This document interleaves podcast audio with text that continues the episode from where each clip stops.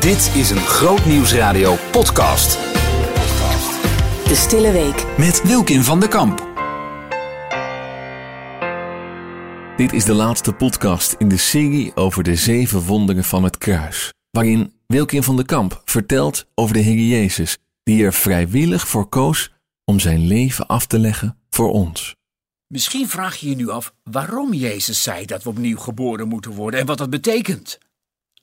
Wel, de Bijbel leert ons dat door de rebellie van Adam en Eva de macht van de zonde ook ons leven is binnengedrongen. De zonde heeft ons denken sterk beïnvloed, ons gedrag en onze relaties. Ja, onze menselijke natuur veranderde daardoor in een zondige natuur die, en dat klinkt heftig, God vijandig is en zich niet aan hem onderwerpt. En ja, God weet als geen ander dat jij en ik, dat wij onze zondige natuur niet kunnen veranderen, hoe we ook ons best doen. Niet door Bijbel lezen, niet door bidden, niet door vasten. Zelfs de Heilige Geest kan jouw zondige natuur niet veranderen, omdat deze niet te transformeren is. Met andere woorden, je zondige natuur is onherroepelijk en daardoor geheel onbruikbaar. Zij moet compleet van het toneel verdwijnen. In Jezus houdt God je deze waarheid voor. Je zondige natuur moet sterven. Wat je nodig hebt is een andere leven en daar is een bovennatuurlijk wonder voor nodig. Het zevende wonder van het kruis. Om deze reden heeft God jou bij de kruisdood van Jezus inbegrepen. Want Jezus heeft zich volledig geïdentificeerd met jouw zonde, je ziekte, de vloek van je leven, jouw dood. En hij nodigt je uit om jezelf helemaal te vereenzelvigen met Hem, wat Hij voor jou gedaan heeft. Het kruis heeft dit mogelijk gemaakt, want hier vindt jouw wedergeboorte dus plaats. Door te geloven, alleen maar door te geloven dat je met Christus bent gekruisigd, dat Hij jouw plaats heeft ingenomen, dat Hij voor jou is gestorven en dat je met Hem mag opstaan, word je opnieuw geboren en krijg je deel aan Zijn leven. De Bijbel zegt zelfs dat je deel krijgt aan de goddelijke natuur van Jezus in 2 Petrus 1 vers 4. Opnieuw geboren worden is te vergelijken met een moderne harttransplantatie. Je doodzieke hart, dat verhard is door de zonde, wordt vervangen door een nieuw en een warm hart, het hart van Jezus. Nu kan de geest van Jezus in je komen wonen, zodat je kunt doen wat Hij van je vraagt. En de geest van Jezus gaat je helpen het leven van Jezus in jou te leiden. Zo wordt Jezus steeds meer zichtbaar in jou. Jezus heeft die lange leidersweg kunnen verdragen, omdat hij al die tijd jou in gedachten had. Jezus heeft in het lijden kunnen volharden, omdat hij stevast jouw redding voor ogen had. Jij was de vreugde die voor hem in het verschiet lag. Jezus koos voor het kruis om jou terug te kunnen brengen bij de Vader. Vanuit diezelfde gedachte profeteerde Jezaja in Jezaja 53 vers 10. Als hij de schuld met zijn leven betaalt, zal hij een nageslacht krijgen en lang blijven leven. Gods plan zal door hem slagen. Jezus wist dus dat jij door zijn sterven en opstanding de mogelijkheid krijgt om een kind van God te worden. Daarom wilde hij het kruis op zich nemen. Daarom heeft hij de schande niet geteld, zoals Jesaja 53 vers 11 het beschrijft. Daar staat, om zijn moeitevol lijden zal hij het zien, tot verzadiging toe. Door zijn kennis zal mijn knecht rechtvaardigen, vele rechtvaardig maken en hun ongerechtigheden zal hij dragen. Ja, toen Jezus aan het kruis stierf, riep hij dan ook uit: volbracht. Dit woord komt in het Hebreeuws van de stam kalal, dat voleindigen betekent. Maar wist je dat het Hebreeuwse woord voor bruid van dezelfde stam komt? Kalach, het lijkt op kalal. Zou het kunnen Zou het kunnen zijn dat Jezus in zijn laatste ademtocht gedacht heeft aan de bruid voor wie hij deze prijs betaalde? Jij was al in zijn hart. Waarom dan ook niet op zijn lippen? Je gaat pas geloven dat je echt waardevol bent. Als je het geheim hebt ontdekt wie je bent in Christus en hoe God nu in Christus naar jou kijkt. Je bent in Christus opnieuw geboren. Vele malen spreekt Paulus over wie jij bent in Christus. En dat betekent in Christus dat je één bent geworden met Jezus. En deze onverbrekelijke eenheid met Christus heeft volgens Paulus twee kanten.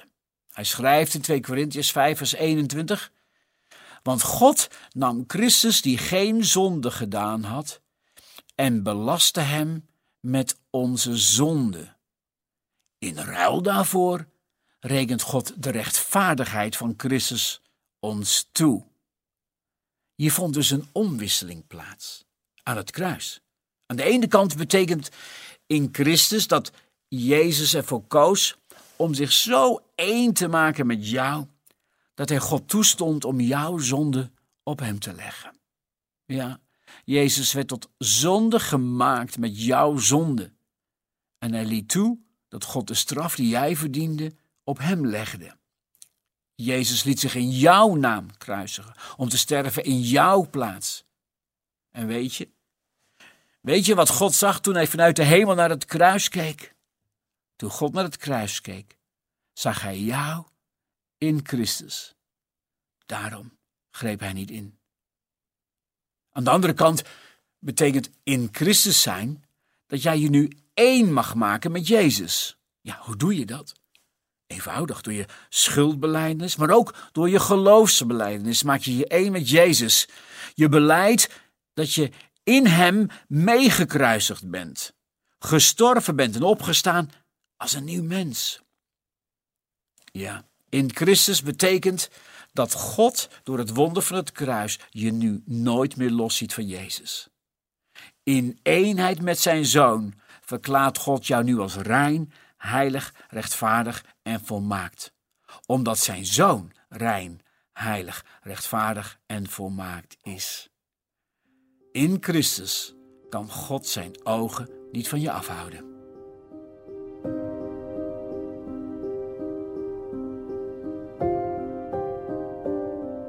De afgelopen dagen hebben we stilgestaan bij de laatste 18 uur van Jezus. We ontdekten dat Petrus en de apostelen in de laatste 18 uur van Jezus leven de hand en de raad van God zelf zagen. Zonder het te weten hebben de Joodse en Romeinse leiders door hun vonnis het plan van God vervuld. God zelf had in de hemel het script van de laatste 18 uur geschreven. Hij was de regisseur van Golgotha. Hij had niets aan het toeval overgelaten. En hij had Jezus tot in het kleinste detail voorbereid op wat komen zou. De laatste 18 uur laten ons Jezus zien die zich openbaart als het lam van God en hoge priester tegelijk. Hij ging tot het uiterste om ons Gods liefde te laten zien, om ons terug te brengen bij zijn Vader. Hij gaf zijn leven om de dood op eigen terrein te verslaan en na drie dagen weer op te staan. Misschien heb jij je ook wel eens afgevraagd dat als God nu echt almachtig is, dan had hij de wereld toch ook wel kunnen redden zonder dat Jezus voor ons moest sterven, zonder dat Jezus zo moest lijden. Dat Jezus voor ons zou sterven, zou je juist het grote meesterplan van God kunnen noemen. En wil je het wonder van het kruis volledig begrijpen en ervaren, dan moet je terug naar het begin toen God Adam en Eva gewaarschuwd had dat als ze zouden zondigen, ze niet langer in het paradijs konden blijven en zouden sterven. Want zonde bracht scheiding tussen de heilige God en de zondige mens, waardoor de mens niet langer in Gods nabijheid kon verblijven. En ja, voor Jezus sterven en opstanding gingen alle zielen van de overledenen dan ook niet naar de hemel, maar naar het dodenrijk, de plaats waar zij wachten op het oordeel van God. Jezus is niet gestorven omdat God per se bloed wilde zien voor onze zonden, in de vorm van genoegdoening. Nee, daar was en is het God helemaal niet om te doen. De enige manier waarop God ons van de slavernij van zonde, ziekte en dood kon bevrijden, was door Jezus te laten sterven, zodat hij de dood op eigen terrein kon overwinnen. Dat was het meesterplan. Voordat Jezus zijn laatste adem uitblies, sprak hij: Vader, in uw handen beveel ik mijn geest. Jezus kwam niet in een soort zielenslaap terecht. Integendeel, Jezus rustte niet in vrede, maar ging voor ons de gigantische confrontatie aan met de engel van de dood. Waarna hij Satan zou onttronen en hem zijn macht zou ontnemen. Als je het wonder van het kruis echt wil begrijpen, dan is het nodig te weten wat er in de geestelijke wereld gebeurde direct nadat Jezus stierf. In Hebreeën 2, vers 14 lezen we: Omdat wij mensen van vlees en bloed zijn, is Jezus ook een mens van vlees en bloed geworden. Want alleen als mens kon Jezus sterven en zo de duivel, die de macht over de dood had, machteloos maken. Alleen op die manier kon hij de mensen die hun leven lang vrees voor de dood hadden uit de slavernij bevrijden. Dat was het meesterplan van onze God. Misschien vind je het een vreemde gedachte, maar je zou het kunnen zeggen: Jezus had onze zonde, als het ware, nodig om te kunnen sterven. Laat me uitleggen. Paulus zegt in Romeinen 6, vers 23 dat het loon van de zonde is de dood. Maar Jezus was de man zonder zonde. En dit betekent dat zijn lichaam dus nooit onderworpen is geweest aan de gevolgen van de zondeval. Zijn lichaam kon niet ziek worden en zijn lichaam was niet gedoemd te sterven. Het klinkt ongelooflijk, maar in wezen had Jezus dus onze zonde nodig om te kunnen sterven. Dit was het meesterplan van de Vader. Door onze zonde op zich te nemen, door zich dus één te maken met onze zonden, leverde Jezus zich uit aan de overste van deze wereld. Ja, het waren onze zonden die de duivel macht gaven over Jezus. Maar let op, dit was het meesterplan, zodat Jezus in onze plaats de confrontatie met de dood, de engel van de dood, in het doodrijk kon aangaan. God moest dus mens worden. God werd mens in Jezus om te kunnen sterven. Want we hebben het gelezen. Alleen door te sterven zou hij de duivel, die de macht over de dood had, kunnen onttronen en overwinnen op eigen terrein het dodenrijk. De apostel Petrus schrijft dat Jezus naar het dodenrijk is gegaan om hen die daar waren, die daar gevangen waren, bekend te maken wat hij heeft gedaan. In 1 Petrus 3, vers 18 zegt hij: Christus heeft ook geleden. Hij is eenmaal voor onze zonde gestorven, als een onschuldige voor de schuldige. Hij heeft het gedaan om ons bij God terug te brengen. Maar hoewel zijn lichaam gestorven is, is het door de geest weer levend gemaakt. Zo kon hij naar de geesten in de gevangenis gaan om hun bekend te maken wat hij heeft gedaan. In de psalmen vinden we een opmerkelijke profetie over wat er gebeurde tussen kruis en opstanding. In Psalm 49, vers 14 eh, staat geschreven, ik lees uit de Groot Nieuwsvertaling, dit is het lot van mensen die alleen op zichzelf vertrouwen. Dit is het einde van mensen voor wie alleen het eigen woord telt. Ze worden naar het dodenrijk geleid. Want de dood is hun herder het dodenrijk wordt hun thuis. Hun lichamen teren er weg. Maar wie eerlijk leefden, zullen zich oprichten bij het licht van de morgen. Ook mij, zegt de psalmdichter, ook mij zal God loskopen, mij weghalen uit het dodenrijk. De psalmdichter geloofde dat God hem zou loskopen en weghalen uit het doodrijk, waar de dood hun herder is, die het voor het zeggen had. En dit, dit is een profetische beschrijving van wat Jezus gedaan heeft tussen kruis en opstanding. Petrus noemt het doodrijk een gevangenis. Zoals het ook beschreven is door de profeet Jezaja in hoofdstuk 24, vers 22. Daar staat, en zij zullen bijeengebracht worden, zoals men gevangenen bijeenbrengt in een kuil. En ze zullen opgesloten worden in een kerker. En na vele dagen zullen zij bezocht worden. Het was Gods meesterplan dat Jezus naar het dodenrijk zou afdalen om de sleutels van dood en dodenrijk op te eisen van de dood, om zo de duivel die de macht over de dood had, voor eens en altijd machteloos te maken.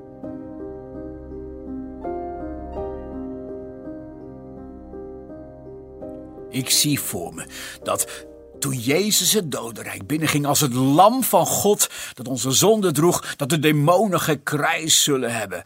We hebben de zoon van God in onze macht, maar het pakte zo anders uit dan ze gedacht hadden. Ik geloof dat het lam van God onze zonde geen moment langer dan nodig was op zich genomen heeft. Ik zie voor me hoe Jezus, het lam van God, onze zonde in het doodrijk van zich afschudde en zich hier openbaarde als de leeuw van Juda. Met luide stemmen, met grote kracht, zal hij het goede nieuws in het dodenrijk bekend hebben gemaakt. Het licht van de wereld drong diep door tot in elke donkere hoek van deze gevangenis. Zijn stem was te horen in elke kerker in dit rijk van de doden. En iedereen, elke ziel kon duidelijk horen wat Jezus zei. Hij predikte hen het wonder van het kruis. Ook voor hen heeft Jezus zijn leven gegeven. Ook hun zonde heeft hij op zich genomen, zodat ze niet langer gevangen hoefden te blijven de macht van de dood.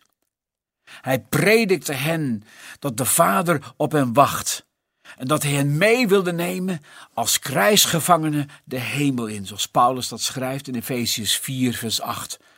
Wat een gebeurtenis. En, en wat een paniek zal dit teweeg hebben gebracht in het kamp van de vijand. Oh, de duivel had maar één grote fout gemaakt. Voor het eerst in de geschiedenis kwam een mens die nooit gezondigd had het dodenrijk binnen. En de dood was nu volledig machteloos. Hij had geen macht over Jezus. Hij kon Jezus niet tegenhouden. Jezus eiste de sleutels van de dood en het dodenrijk. En hij opende de kerkers van hen die door de dood werden gevangen gehouden. Jezus maakte zijn belofte waar aan die ene misdadiger aan het kruis. Toen hij zei in Lucas 23, vers 43: Vandaag zul je met mij in het paradijs zijn.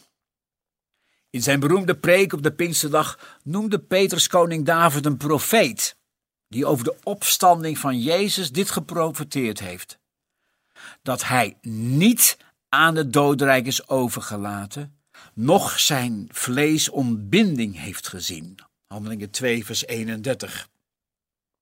En dan denk ik, hoe heeft koning David en en in zijn navolging alle andere rechtvaardigen uit het oude verbond. Hoe hebben ze gereageerd op Jezus' verschijning in het dodenrijk?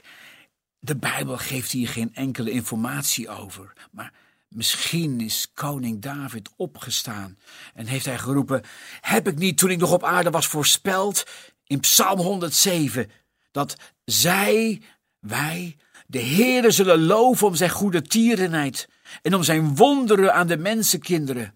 Omdat hij koperen deuren heeft verbroken en ijzeren grendels, grendels heeft verbrijzeld. Hij voerde hen uit donkerheid en diepe duisternis. Jezus brak de banden van de dood die door niemand konden worden losgemaakt. Hoeveel, hoeveel tienduizendtallen zielen zullen hebben gereageerd op het goede nieuws dat Jezus hen bracht? Noach, Abraham, Isaac, Jacob, Deborah, Tamara, Simeon, Rebecca, Hanna en vele andere rechtvaardigen. Jezus nam hen bij de hand en leidde hen uit het dodenrijk. Daarom heet het, Efesius 4 vers 8, opgevaren naar den hoge voerde hij krijgsgevangenen mee. Het zal de grootste exodus aller tijden zijn geweest. De dood kon Jezus en de zijnen niet langer vasthouden. Een grote stoet van rechtvaardigen volgde Jezus in zijn voetspoor. Hij was tenslotte ook voor hun zonde gestorven. De weg naar de hemel was open. Hiervoor was Jezus geboren. Hiervoor was Jezus gestorven. Jezus had nooit de duivel op eigen terrein kunnen verslaan, als hij niet een mens van vlees en bloed was geworden.